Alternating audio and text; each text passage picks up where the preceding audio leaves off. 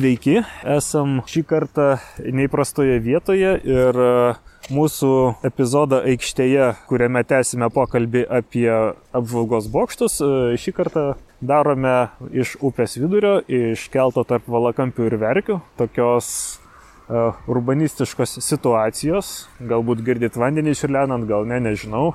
Ir e, sėdime kelti su Jekaterina Lavrinets. Ir Jekaterina iš tikrųjų pasikeičiau dėl to, kad jinai yra labai ilgą laiką įsitraukusi į šnipiškiečių bendruomenės kūrimą ir jų veiklų organizavimą.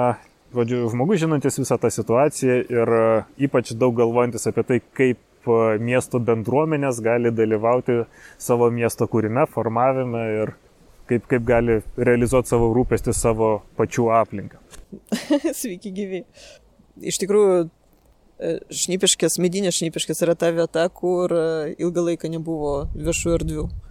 Ir e, viešų erdvių buvimas kaip tik leidžia žmonėms susiburti į grupės, pasidalinti savo rūpešiais, nuomonėmis ir išvystyti bendrą viziją, kažkokį bendrą kursą suformuoti. Tai savo darbę darau prielaidą, kad e, viešų erdvių vystimas, įtraukiant žmonės, kurie gyvena tam tikroje vietoje, leidžia tiems žmonėms e, ilgainiui išvystyti socialinius kontaktus ir socialinius tinklus, ryšius. Ir tai yra pirmas žingsnis į bendruomenę. Tai medinės šnipiškės tikrai yra ta vieta, kur tos e, bendruomenės ilgą laiką trūko. Ypač turint omenyje, kad tai rajonas, kuris išgyvena spartų urbanizacijos procesą ir yra aktyviai užstatomas jau ne pirmą dešimtmetį. Ir e, norint pasiekti galbūt ir sprendinių kokybės ir jautriau vystyti teritoriją reikalingas ne tik e, vystytojų ir savivaldybės balsas, bet ir tų žmonių, kurie gyvena. Kai prieš penkerius metus mano kūrybinė grupė arba laboratorija Laimykės LT persikėlė iš Nypiškės, mūsų tikslas, vienas iš tikslų buvo išvystyti viešasis erdvės šitame rajone. Ir e, kokiu būdu viešosios erdvės vystomos? E, paprastai nustatoma vieta, kuri yra tinkama žmonėms burtis, viena vertus pagal srautus e, kasdienius. Jie iš principo gali pritraukti lankytojus ir kitas dalykas, jie yra tinkama ilgalaikį perspektyvai vystyti tam tikras veiklas. Tai yra, jeigu gerai, jeigu tai yra valstybinė žemė, tai gali būti ir privatus sklypas iš tikrųjų, jeigu yra sutarimas iš ankstinės su e, savininku. Tai šiuo atveju šnipiškėse buvo išskirtos e, dvi vietos. Viena dabar žinoma drakono pievos e, pavadinimu, tai buvo valstybinė žemė, nesuformuotas sklypas, kur tiesiog pradėjome burti gyventojus, organizuodami ten kaimynų iškilas, įvairias menės e, iniciatyvas dalyvaujant vietos gyventojams.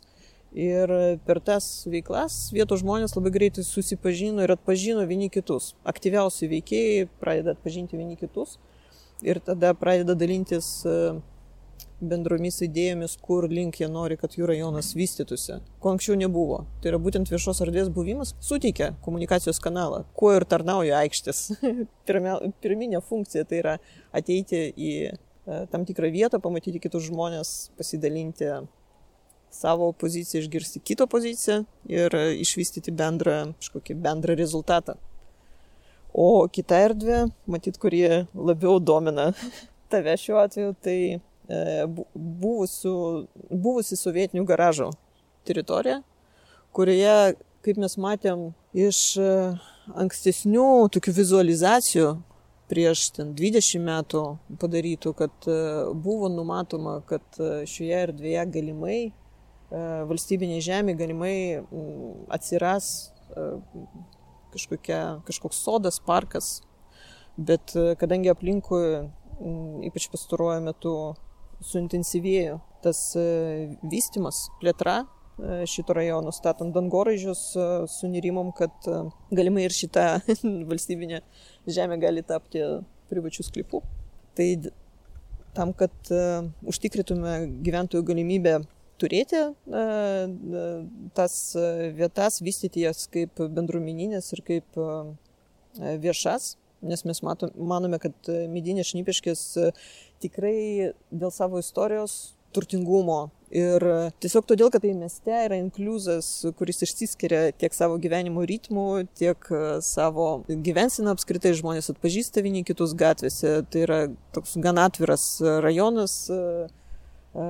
Apskritai gyvenant šnipiškėse pati patyriau, kad pradedi ilgainiui traktuoti erdvę už savo namų kaip namų tesinį ir labai privačiai ją traktuoja.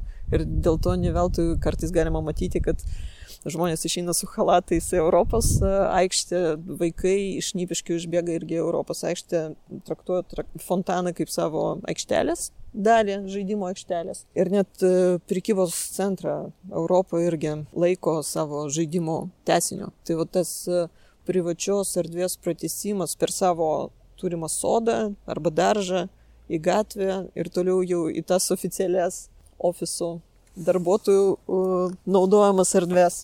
Tai yra toks būdingas šnipiškiams dalykas. Tai mes manom, kad tokie inkluzai, jie suteikia miestams įvairovės. Matome, kad pastaruoju metu net Kinijos miestuose, milijoniniuose miestuose, kuriems reikalingos naujos teritorijos plėtrai, yra labai stipri tendencija išsaugoti vadinamosius kaimus mieste. Tai yra vietovės, kurios istoriškai dėl įvairių istorinių kolizijų liko.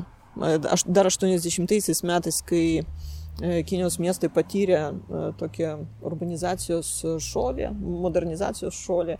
Ir dabar jas siekiama išsaugoti, nekonservuojant, bet labai jautriai vystant. Ir tuo pačiu atveriant ir kitų rajonų gyventojams, ir turistams. Ir šiuo atveju, aišku, yra visada kažkur pašoniai tas gentrifikacijos klausimas ir ar vystant tokias vietas ne, nepasieksim situacijos, kai dėl kylančių kainų nekilnojamo turto gyventojų, kurie iš pat pradžios gyveno šitam rajone arba istoriškai gyveno šitam rajone, turės pasitraukti. Tai medinių šnipiškių atveju mes tokios baimės neturime, nes apskritai klausimas yra apie tai, ar išliks šitas rajonas kaip unikalus inkluzas ar ne ir mums tų viešų erdvių atsiradimas rajone ir legalizavimas, nes vienas dalykas tai yra kelis metus iš eilės vystyti tam tikrą teritoriją, taip, kad ji net įgautų, kad ji viena vertus taptų traukos taškų, pritrauktų gyventojus ir net gautų alternatyvų vietovardį, kaip drakonų pieva ar ne, arba ten garažo teritorija dar neturi savo vardo iš tikrųjų, nes ten nebuvo ypatingai daug akcijų daroma, bet ir legalizuoti ją tai yra užtikrinti, kad jie atsidurtų planavimo dokumentuose. Tai šiuo atveju mums padėjo architektų komanda No Architects, kuriuos mes pakvietėm, kad jie išanalizuotų planavimo dokumentus ir padėtų bendruomeniai suformuluoti savo pretenziją į erdvę.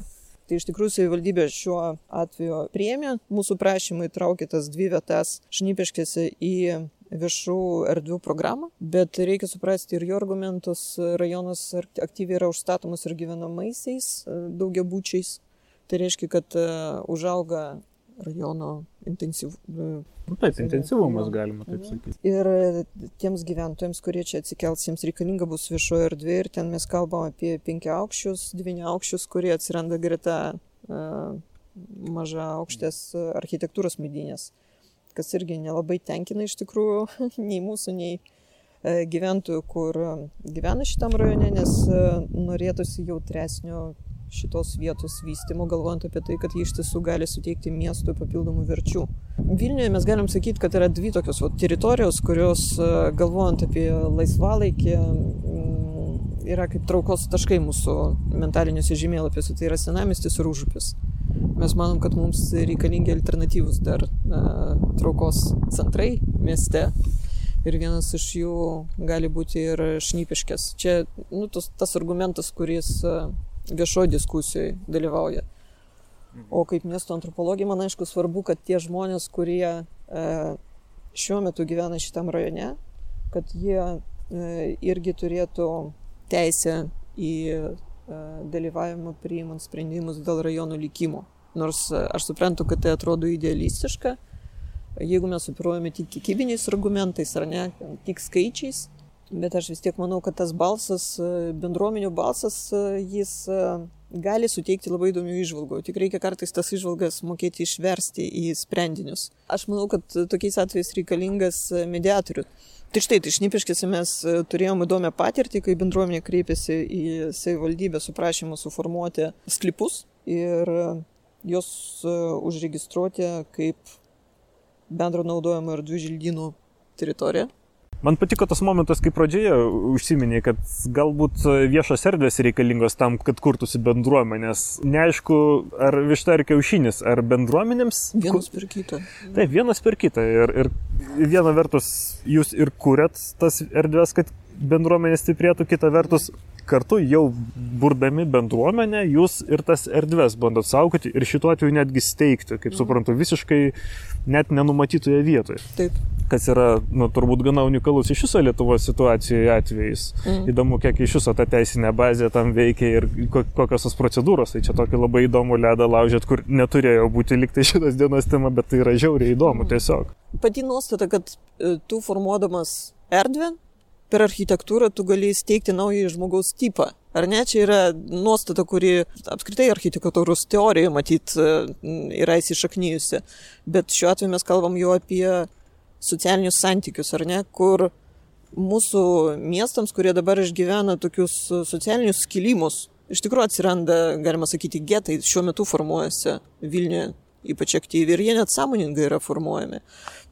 Atsiranda teritorijos, kur tam tikrų pajamų žmonės susibūrė ir jie vis ryčiau pradeda matyti kitų grupių gyventojus. Tai mes šiuo metu, ši, šis procesas įsibėga ir mes suprantam, kad būtent viešosios erdvės yra ta tos vietos, kur skirtingų grupių atstovai gali pamatyti vieni kitus. Ir... Gali pavardinti kelis getus, pažiūrėjau, tavo nuomonę, kur jie bando formuoti? Nu, aš manau, kad, pavyzdžiui, vat, e, mes galim kalbėti apie užmiščius, sakykime, ar ne, kur yra ten kotedžai kokie nors statomi su labai mažom žaliom zonom, kur keliasi jaunos šeimos su mažais vaikais, e, e, kurių pajamų lygis yra daug maž vienodas ir keliantis į užmestį, jie ieško ten vaikų darželius, sakykim, savo vaikams, keldami tam tikrus reikalavimus.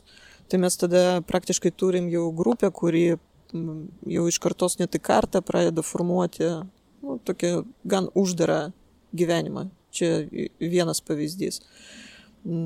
Kitas pavyzdys tai yra Aš matau, kad Vilnius savivaldybės interpretacijoje tie mėgamieji vadinamieji rajonai, jie irgi yra savotiškas getas, nes jie yra tam tikrą prasme nurašomi, sakant, kad ten yra senstanti populiacija, daroma tokia prielaida, kad jie nėra patrauklus ir įdomus jauniems, naujiems, viržliems miestų gyventojams. Man atrodo, kad dabartinė retorika oficialioj savivaldybės, aš matau tas prielaidas kurtis getams ir tai laikoma, kad tai yra gerai, kad tam tikrų grupių, klasių žmonės turi burtis kartu. Tai mes grįžtam prie tų problemų, kurias 20 amžiaus pradžioje buvo bandyta spręsti Europos e, miestuose. Pavyzdžiui, Londone buvo pirmieji socialiniai žemėlapiai. Toks e, filantropas verslininkas But, jis e, kūrė savo iniciatyvą Londono žemėlapius, spalvindamas skirtingas spalva, ten skirtingas pajamas, skirtingas socialinės grupės, kur jos gyvena ir pasirodė, kad miestas yra fragmentuotas tam tikrą prasme. Tai klausimas, kur šitie žmonės, kokiams situacijoms esant, jie susitinka tarpusų. Ir staiga pasirodo, kad tokių vietų mieste netiek jų ir daug. Ir viešosios erdvės tai yra katilas, iš principo socialinis katilas. Neturint istorijos pamokų ir tų situacijų, kurias praėjusi yra vakarų Europą, galbūt mums yra sunku net įsivaizduoti, į kur einam. Ir turbūt sunku yra pasimokyti iš kitų klaidų. Toks jausmas, kad reikia pačiam jas padaryti, pereiti kaip tą padaryti lengviau. Justinai, visiškai aš netikiu šito evoliucionizmo nuostatą, kad mes tikrai turim kaip tokie neišsivystę dar organizmai pereiti visas tas pakopas, Aha. kad įgautume sąmonę, nes mes gyvenam ir mobilumo laikais, ar ne? Mūsų patirtis yra formuojasi ne, ne uždaroj e, situacijoje, bet mums iškeliaujant, e, matant ir semintis kitų miestų e, patirties, tai aš, aš labai norėčiau tikėti, nu, išlaikyti kažkokį optimizmą ir tikėti, kad vis dėlto įmanomi šuoliai. Bet mes tikrai, aš sutinku, kad mes dabar tiesiog esam kažkur 50 metų situacijų, kai patiriam visai, bet urbanizacijos iššūkiai kaip automobilizacija, vienas dalykas, komercinių erdvių plėtra viešųjų erdvių sąskaita, žalių teritorijų sąskaita. Ir visa tai yra susiję ir su socialiniu kontakto stoka miestuose, nes miestai, kurie vystomi skatinant automobilizaciją, tai tai yra miestai, kur iš tikrųjų kontaktai socialiniai tarp žmonių yra minimizuojami palaipsniui, nes mes vaikščiodami gatvėmis matome vieni kitus ir galim užmesti kontaktą, o kai mes didesnį laiko dalį praleidžiam automobilį važiuodami iš taško A į tašką B, Tai reiškia, kad mūsų kontaktai socialiniai visą laiką vyksta pagal socialinio teatro taisyklės, nes mes išlypę iš automobilio patenkame kažkokią e, erdvę, kur interakcijos tarp erdvės veikėjų, sakykime, ten prekybos centras koks nors ar ne, arba ten darbas darbovietė, arba ten dar kokia nors vieta. Tų vietų skaičius beje augant žmogui, socializuojantis, jų šiaip mažėja. Kol tu esi jaunas, tu labai aktyviai patiri įvairias erdves, ieškai jų. Pavyzdžiui, uperis čia prasme labai įdomi erdvė yra, tokia netikėta, iššauna staiga nu, vieša erdvė iš tikrųjų, kuri mobili viešoje erdvė, kur žmonės pamato vieni kitus iš labai skirtingų kontekstų atėję bet tokių erdvių mieste mm, nėra daug ir kita vertus, kad užimti žmonės, jie minimizuoja savo lankomų erdvių kiekį. Bet būnant gatvėje, vaikštant, daugiau laiko praleidžiant viešosios erdvėse, tu dažniau matai kitus žmonės. Tai labai svarbu iš tikrųjų. Nors atrodo, tai toks minimalus dalykas, nususižvalgiai su kitu žmogum, nebūtinai net užkalbinai jį. Bet e, net tas vizualinis kontaktas yra svarbus. Šitą savo turiu teorija jokinga gana, kodėl pas mus, sakykime, piliečių dalyvavimas miesto formavime pradeda skleistis labai stipriai per transporto judėjimo, nu, tokias logistinės situacijas. Visi, visi žino apie kamščius, meras gali būti išrinktas dėl to, kad duobės sulopis, nes tai yra esminės miesto kokybės parametras. Mm. Ir kokias mes turim tokias stipresnės bendruomenės, tai dviratininkų bendryje, viešojo transporto keliaivių, kaip ten vadinasi asociacija, neatsimenu, mm. turim pešių dabar asociaciją. Tai yra, tai yra judėjimas. Mm. Nes man atrodo, kad dar reikia labai, labai daug aukti ir, ir vystytis kaip visuomenė, kol galėsim kalbėti apie tai, kad, na, yra pakankamai vietos susiburti, pasibūti kieme, pažaisti mhm. kažkokius tai, nežinau, žaidimus ir kad miestas taptų mūsų kiemų ir mūsų bendra tiesiog buvimo ar gerbuvio vieta, o ne tiesiog tranzito. Nes man atrodo, prie to, prie to tranzito sureikšmio prisideda ir tas efektyvumo, ir ta liberalioji ideologija, kad reikia būti labai efektyviam ir... Modernizmas, čia yra modernistinė nuostata iš tikrųjų, mm. kad e, efektyvus miestas yra tas, kuris gerai valdo srautus. Tai tada srautas tampa mąstymo apie miestą atskaitos taškų. Taip. O srautas yra tas dalykas, kuris yra nesusitikimo vieta. Tu kuo, kuo mažiau sutinki kitą, kuo mažiau kitas tave stabdo, tuo mažiau tu, būdamas savo automobilyje, ant jo reikiai galvodamas, kad niekas tavęs, tavęs negirdi. Antropologas Markas Ožai, jis net vartoja šioje vietoje savoką ne vieta. Jis sako, kad e, štai šiuolaikiniuose miestuose, jis rašo apie tai 80 metais, analizuodamas Europos miestus, jis sako, šiuolaikiniuose miestuose atsiranda vis daugiau ne vietų, kur vyksta tarsi kontaktas tarp e, dalyvių tų erdvių, bet e, tai yra e, labai formalizuotas kontaktas, o dažnai net kontaktų užstoja e, e, ekranai. Tai yra interakcijos vyksta su ekranu. Tu ateini į kažkokią įstaigą, prieš tave yra ekranas, tu atlikai tam tikras funkcijas, tu gavai ko nori, o tarptų ne vietų jis minė tokius dalykus kaip oro uostai, kur užima vis didesnį mūsų gyvenimo, mobilaus gyvenimo dalį, įvairios ten stotelės, taip pat viešbučiai, kas iš esmės skiria šiuolaikinius viešbučius, nusakykim, to, kaip viešbučiai funkcionavo ten 19 amžiaus pabaigoje, e, daugelio rašytojų biografijose mes galim pamatyti, kad viešbutis tai buvo vieta, kur galėjo rašytos ten gyventi iš mėnesio į mėnesį, e, net e, metus praleisti rašydamas, sakykime, savo romaną, ar ne, tai tokiais atvejais viešbutis tampa vieta, bet šiuo metu tai yra srautų erdvės. Ir tokių erdvių vis daugiau yra. Prekybos centrai be abejo. Šis baisiai smagus tam kalbėti ir bijau, kad mes visiškai neprieisim net prie temos. Gal, kur aš bandžiau užklausyti apie tą sofistikuotumą ar tą bendruomenės kažkokį tai požiūrį. Kaip jūs e, kalbate su bendruomenė, kiek reikia pabūti tokiu išmanančių mokslininkų ir edukatorių vienu metu ir kai, koks tas procesas ir, ir paskui aišku, kaip jūs sugalvojat ir kaip, kaip tas bokštas ten atsirado. Jo, tai kalbant apie to mediatorius uh, poziciją, tai yra žmogaus, kuris ateina į bendruomenę ir uh, pas gyventojus ir subūrė bendruomenę ir bando kalbėtis su ją, padedant suformuoti patiems žmonėms, iš, iškristalizuoti savo viziją. Nes tikslas yra ne primesti, o sudaryti sąlygas žmonėms patiems iškristalizuoti savo bendrą. Šnipiškės yra gana sudėtinga situacija ir, ir vis tiek bandai kažkaip, na, palikti tą sprendimo galę e, gyventojams, bet ar nėra per daug dedama vilčių, kad jie galės visgi, na, jie, aišku, jie tada turės prisimti atsakomybę ir negalės pykti, čia visada mhm, šitas mhm. bus, bet... E, Vienas e, esminių dalykų tai yra suprasti, kad tai yra procesas. E, ir šita nuostata, aišku, labai riboja galimybės, kai tu galvoji, kad štai yra projektas dabar, aš ten metų bėgė, sakykime, su gyventojais e, pakalbėsiu, gausiu tai, ką noriu ir viskas baigsis. E, čia įtraukta yra etinė pozicija. Jeigu tu ateini į tam tikrą rajoną ir pradedi burti gyventojus ir suteiki jiems vilties, kad jie kartu suėję galės pasiekti tam tikrą rezultatą, tu tampi viena vertus atsakingas už tai, kad jie pasiektų rezultatą ir tada ir atsiranda ta našta, kad tu turi, privalai kontaktuoti su savivaldybė ir negali užsibaigti vien tik ten bendruomeninio meno lygmenyje, kas labai dažnai vyksta, bent jau mūsų srityje, ar ne? Ir mes patys nuo bendruomeninio meno įrankių mes perėm prie planavimo ir įtraukimų į savo komandą architektų, kurie mums padėtų jau su planavimo dokumentais analizuoti juos.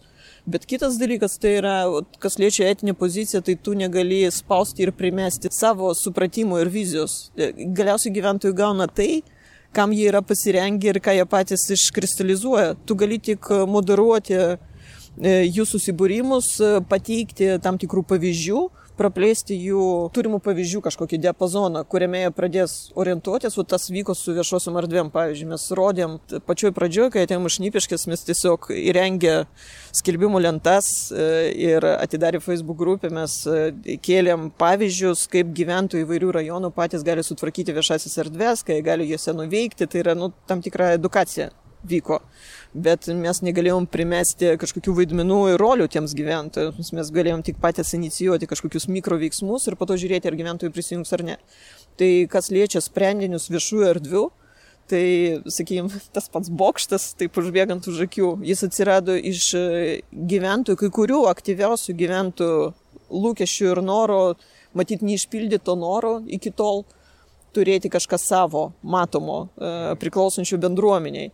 Ir iš mano perspektyvos žiūrint, tas bokštas kelia labai daug e, klausimų, nes pagaliau tu gauni tašką, iš kurio tu pradedi žvalgytis į visų aplinkinių gyventojų kiemus.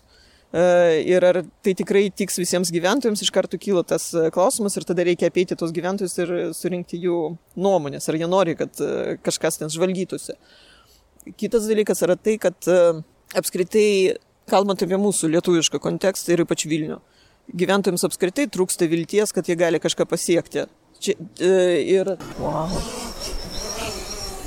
Kokie veiksmai aplinkui. jo, jo. Čia viskas vyksta staiga.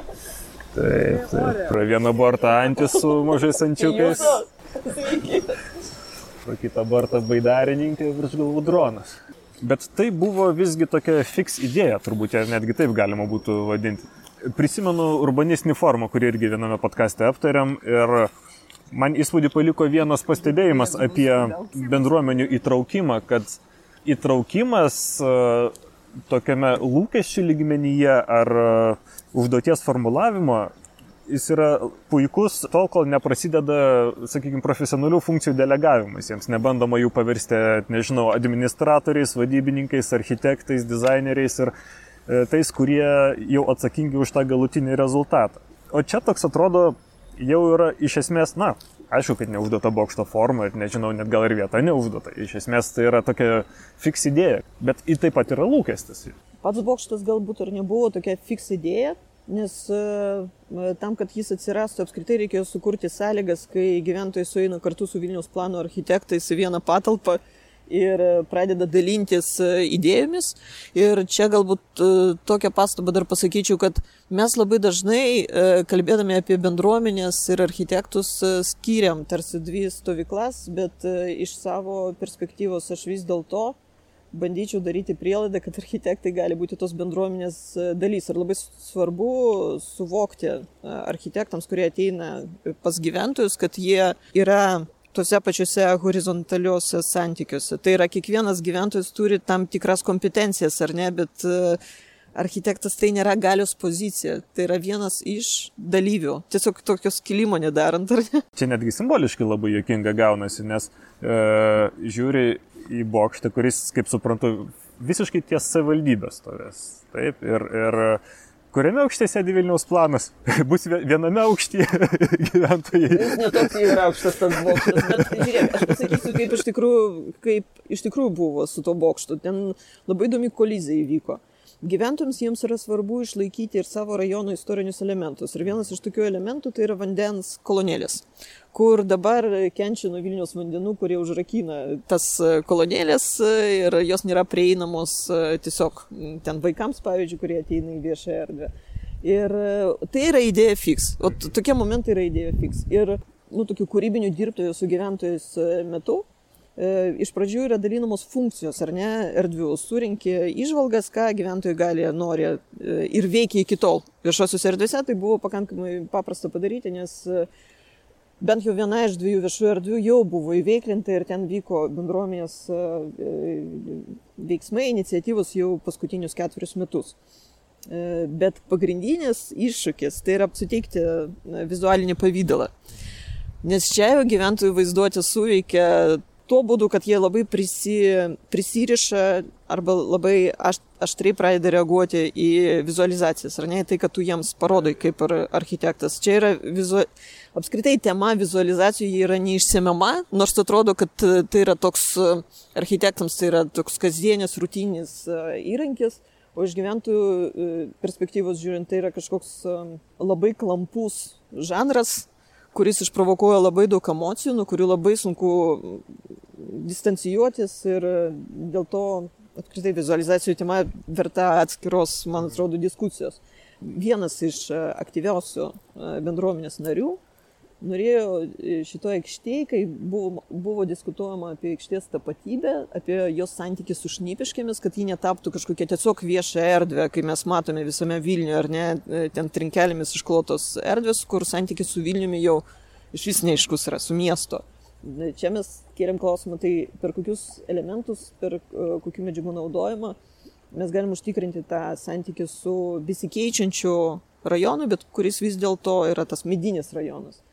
Tai tas figuratyvas, milžiniška vandens kolonėlė, tapo iš tikrųjų idėja fiks. Praktiškai vieno žmogaus, bet kiti bendruomenės nariai su juo sutiko, o tuo tarpu architektas iš savo pusės, Vilnius plano architektas, pasiūlė tą bokštą, kuris savo formą primena vandens kolonėlę. Ir čia įvyko ta sinergija tarp noro turėti kažkokį iškeltą objektą, kuris turėtų ir savo funkciją, bet iki funkcijos dar gyventojai ne, jos neišvystė ir architektų išvalgos, kad gerai padarom čia apžvalgos bokštą.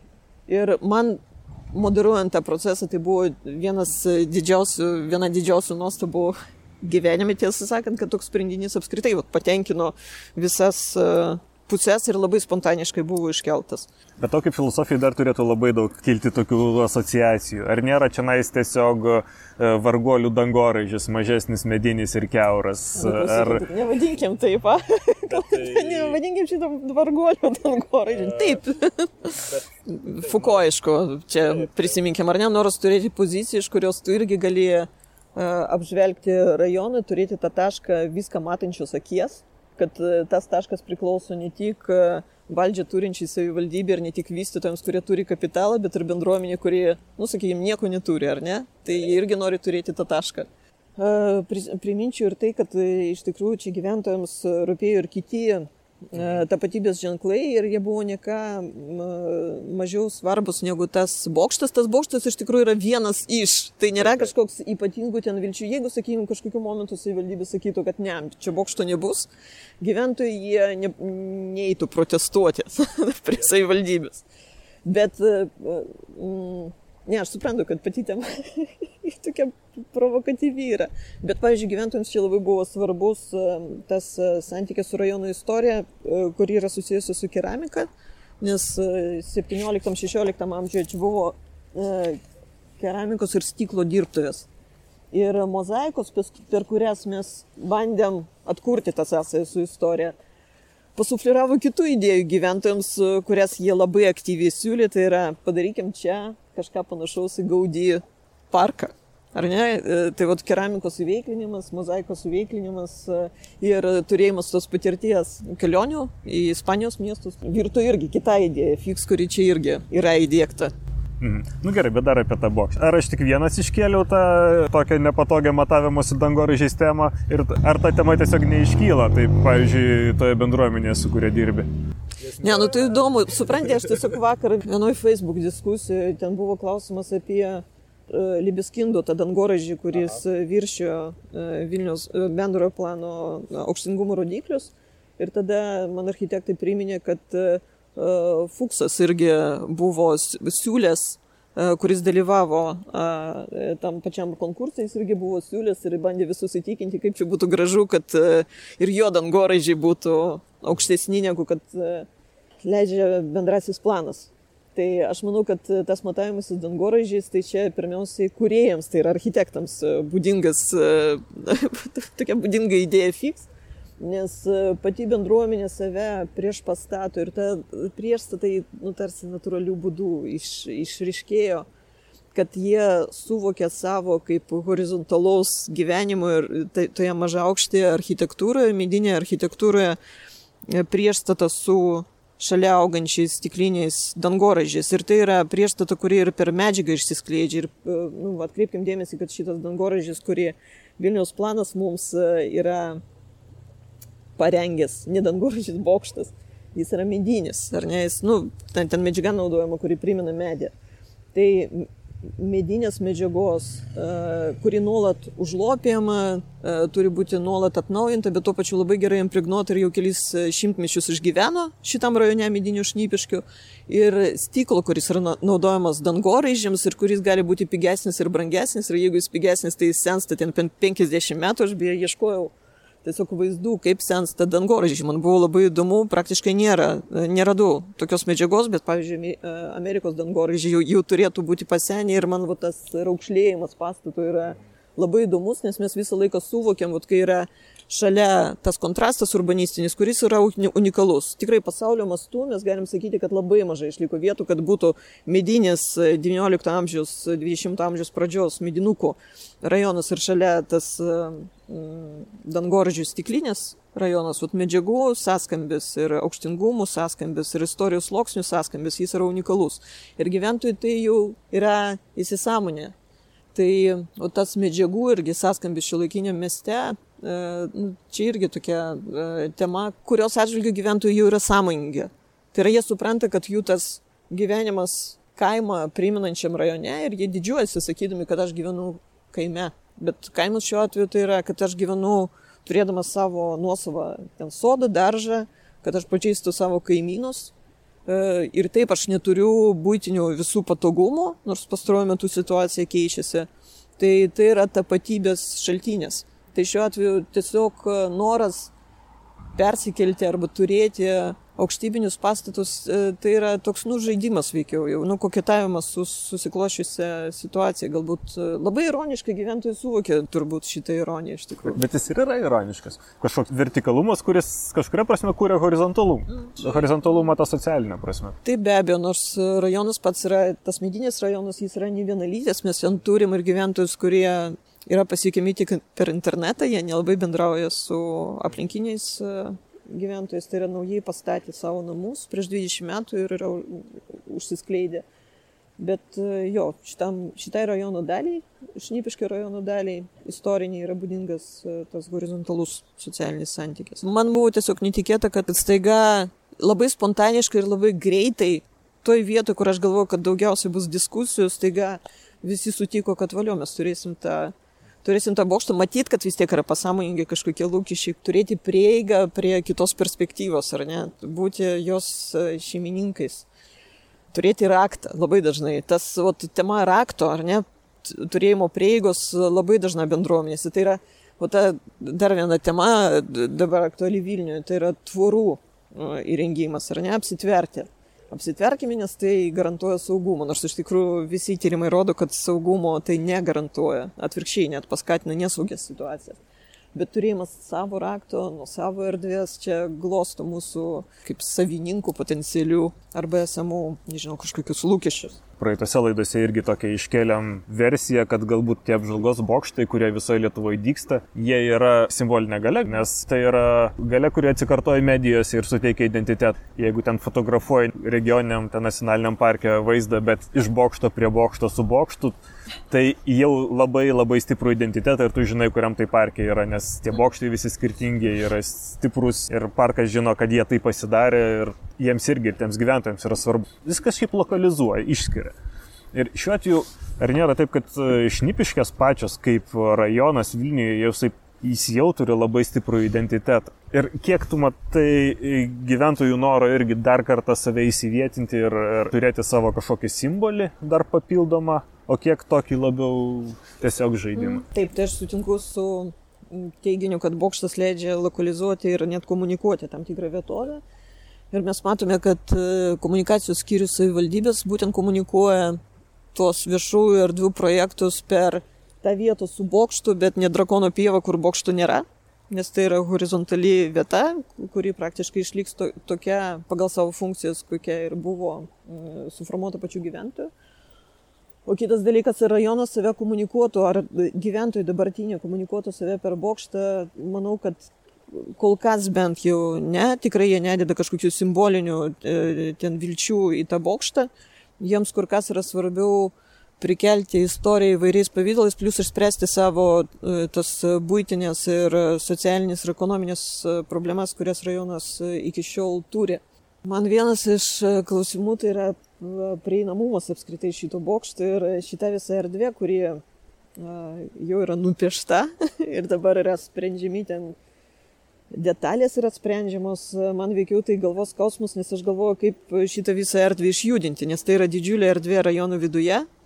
E, jeigu dėl drakono pievos aš visiškai esu raminės, ten jau e, yra įsišaknyjusios e, veiklos rajono gyventojų ir mes užauginom kartą vaikų, kurie nuo pat mažmens, nuo 3 metų, 4, 5 dalyvavo įvairiose meninėse iniciatyvose ir dabar patys e, organizuoja įvairias bendruomeninės veiklas. Tai prisiminkim ir tai, kad ten 3-4 metai veiklos kažkokioje lokacijoje. Čia mums suaugusiems atrodo, kad nelabai ilgas laikotarpis, bet vaikui tai yra pusė jo nugyvento gyvenimo, ar ne? Tai mes turime jau kartą vaikų, kurie įveiklina e, erdves ir labai buvo įdomu beje su jais kalbėtis, kai mes dėliojom funkcijas e, e, tų erdvių.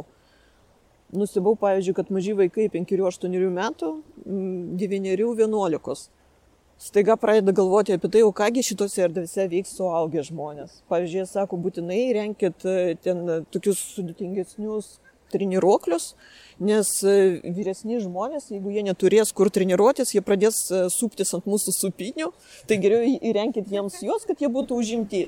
Tai tokie yra dalykai, kai tu pradedi apie savo kaip vaiko poreikius galvoti per e, kitų saugusių žmonių prizmę ir tada geranoriškai siūlyti, kad ir tiems žmonėms ką nors įrenkit. Bet tai yra, nu, stebuklingas dalykas, nes iš tikrųjų tokiuose viešuose diskusijose ne, ne kiekvienas e, narys galvos apie kitų poreikius. Paprastai žmonės galvoja pirmiausia apie savo ir savo grupės poreikius. O štai ta erdvė su bokštu jį dar reikalaus labai daug veiklų įdėgymų ir tokiam vadybos iš tikrųjų. Tai erdvė, kuri viena vertus yra bendruomeninė ir bendruomenė pageidavo, kad ji būtų vis dėlto aptverta ir aš šioje vietoje irgi negalėjau galios pozicijos užimti ir sakyti, ne, ji bus atverta, jeigu žmonės nori ir jeigu šiuo metu e, sunku jas paveikti pavyzdžiais, tai tada nebus vienšalis kažkoks sprendimas priimamas, net jeigu tu turi patirties ir žinai, kad šitą erdvę geriau veiktų, jeigu būtų mm, atvira.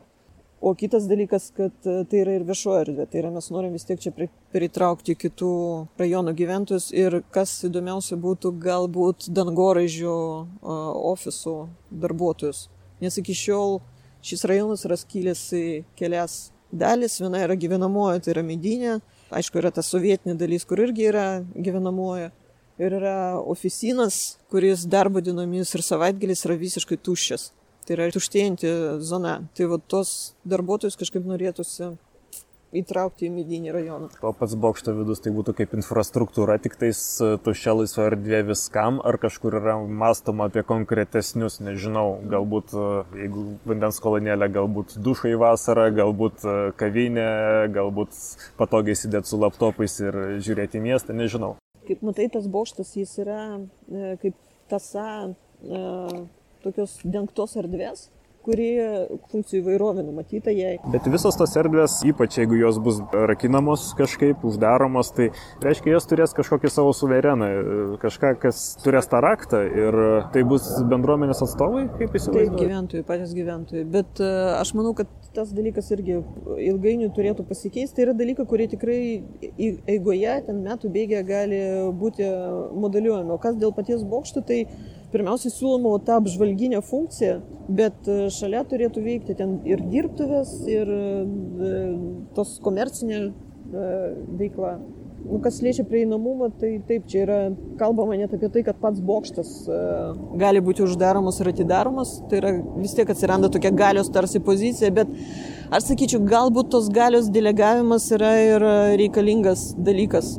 Kiekviena bendruomenė turi savo atsakingus žmonės ir lyderius ir jiems deleguoti papildomas funkcijas. Aš nežinau, ar gerai iš tikrųjų, kad turėjimas raktų čia yra vienas iš būdų deleguoti priežiūrą vietos tam tikriems žmonėms. Bet man kur kas daugiau klausimų iškyla ir iš tiesų tai yra kur kas didesnis iššūkis, kaip veiklinti visą tą erdvę. Ir mes čia bandėm dar prisikviesti Vilniaus plano architektą Paulių Jonį, kurio projektas šitas yra. Kodėl Vilniaus planas šitą dalyką galiausiai daro? Mm, Vilnius planui buvo deleguota kaip tik savivaldybės e, šitą funkciją, o apskritai šitą sinergiją buvo įmanoma Urbakt projekto dėka, tai yra europiniai e, projektai su savo nuostatomis, kad e, turi būti įtraukta bendruomenė į sprendimų prieimimą, jie padeda e, kaip tik įtraukti gyventojus į projektų parengimą. Tiesa, tai buvo parengiamasis laikotarpis ir Urbakt projektas nebuvo laimėtas, tai yra vis tiek lėšų reikės ieškoti iš kažkokių kitų šaltinių šito projekto įgyvendinimo. E, mes turėjom taip pat vilčių, kad galbūt tie architektai, kurie padėjo mums e, išanalizuoti planavimo dokumentus ir užtikrinti, kad e, šitos viešosios erdvės taptų iš tikrųjų legitimomis viešosiomis erdvėmis, kad jie bus irgi įtraukti į erdvių dizaino procesą. Bet buvo nuspręsta perleisti Vilniaus planui. Kita vertus, aš žinau, kad Vilniaus plane yra žmonių, kurie kelis dešimtmečius iš tiesų e, periodiškai dirba su šnipiškiu, mediniu šnipiškiu erdvėmis, e, rengia vizualizacijas e, ir pagaliau iš Skansino tas planas buvo parengtas irgi, man atrodo, Vilniaus plano. Tai tiesiog yra žmonių, kurie nueina į tą rajoną, žino jo situaciją ir šitoje vietoje aš buvau pakankamai rami, kad nu, yra tų kompetencijų Vilniaus plane, kur leis įsitraukti į tą veiksmą. Kur kas didesnis iššūkis buvo sukurti tiesiog palankę atmosferą, nes prisiminkim, kad šitą rajono gyventojai yra užstatomi ir jų nuomonės labai dažnai nepaiso ir prie jų medinukų atsiranda ten penkia aukščiai tai sukurti apskritai sąlygas dialogui ir nuimti baimės ir tarpusavio nepasi nepasitikėjimą, tai čia toks jau psichologinis e, darbas, kuris e, turėjo būti atliktas tam, kad apskritai įsiklausytų gyventojų architektus, o architektai savo raštų įsiklausytų į gyventojus. Nes e, kad ir kokiamis formomis ir pavyzdžiais jie išreikštų savo lūkesčius, vis dėlto, kas liečia funkcijas ir veiklas, kurios bus plėtojamos šitam rajone, tai galiausiai tai yra ant pačių gyventojų pečių lieka. Dėl tos priežasties kartais verta pasitikėti, matyti, ką gyventojai siūlo, bet e, aš šitoje vietoje irgi, aišku, nemažai turiu tokių uh, kritinių momentų. Mačiau tiesiog šito projekto rengimo procese, kad uh, kartais architektai turi tiesiog pristabdyti galbūt gyventojų fantazijų vers tokią kaip konkuliavimą Nes e, kai tu pajunti, kad tu gali daug visko čia įdėkti ir prigalvoti, ir paveiksliukas turi būti gražus, ir čia irgi vizualizacijos yra sudėtinga tokia, tai yra vizualizacijų ta klasta, kad tu matai, kaip tavo svajonės taiga vizualizuojasi, ar ne, ir tu tada tave tai užveda ir tu pradedi siūlyti dar ir dar, dar naujų funkcijų, aš ir tą padarysiu ir tą, ir čia vyks prekyba, ir čia vyks koncertai, ir čia vyks dar nu, daugybė dalykų ir šitoje vietoje reikalingas toks gal realizmas. Kas tai darys, kada tai darys, tai čia vat, būtų mano dalys, ar ne, adresuoti bendruomenį šitos klausimus, bet taip pat architektų išvalgos apie tai, kad žiūrėkit, šalia yra, sakykime, ten kalvarijų turgus, kur vyksta prekyba, tai ar jūs norite tikrai prekybos čia, nu, iškelti tokius klausimus irgi tam tikrų momentų reikia. Pabaigai gal apskritai apie tos procesus medijavimo ir bendruomenės įsitraukimo, kaip, kaip tu matai, kas, pažiūrėjau, įvyko per pastarosius, nežinau, penketą metų, kur mes žingsniuojam kaip visuomenė ir ką dabar tavo nuomonė svarbiausia toliau būtų. Nu, nu čia yra klausimas. Ne, jis didelis klausimas. Čia, čia labai didelė problema yra tai, kad e, dabar savoko bendruomenės tai tapo manipulacijos e, priemonė kalbėti apie bendruomenių įtraukimą, ar ne, e, visi kartuoja šitą formulę, bet iš tikrųjų labai mažai žmonių žino, kaip realiai tai yra organizuojama ir kad tai reikalauja laiko ir kad reikia skirti mažiausiai dviejus metus, kad apskritai žmonės e, užsiaugintų pasitikėjimą ir kad tu galėtum jau kurti tą lygiavertį dialogą su gyventojais. O dar vienas dalykas, kad e, mes turim išmokti, pasimokyti galbūt iš miestų, kurie turi labai sėkmingas e, e, kaiminijų vadybos programas, kurios yra organizuotos nu, kaip tam tikra sistema, kai yra išskiriamos probleminės gyvenvietės, kaiminijos ir ten siunčiami mediatoriai, kurie dviejų metų bėgė steigia komunikaciją su gyventojais nereikia tikėti, kad e, būdamas architektas ar urbanistas atėjęs pas gyventojus, tu iš karto gausi konstruktyvų grįžtamą ryšį, jeigu prieš tai dviejus metus niekas nedirbo su šitais gyventojais, tai yra ta pozicija yra reikalinga.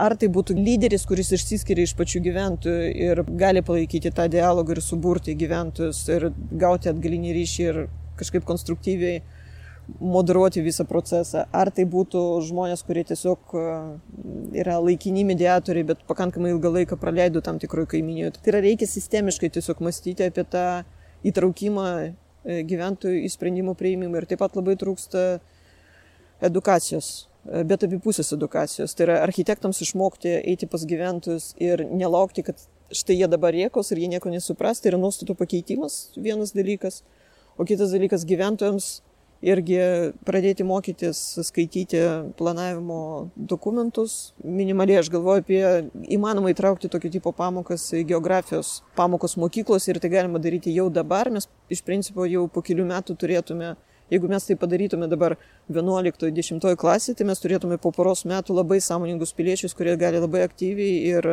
pagristai dalyvauti viešuosiuose aptarimuose, kodėl mes tai nedarom, aš nežinau. Bet, nu. Bet čia puikiai. Pavadinkim tai baigiamojo linkėjimu ir turbūt e, tiek, tiek aikštėje apie bokštus ir labai plačiai apie bokštus. Ir baigiame šitą temą ir kitose laidose kalbėsim apie Stasiai Drigevičiaus menų centrą.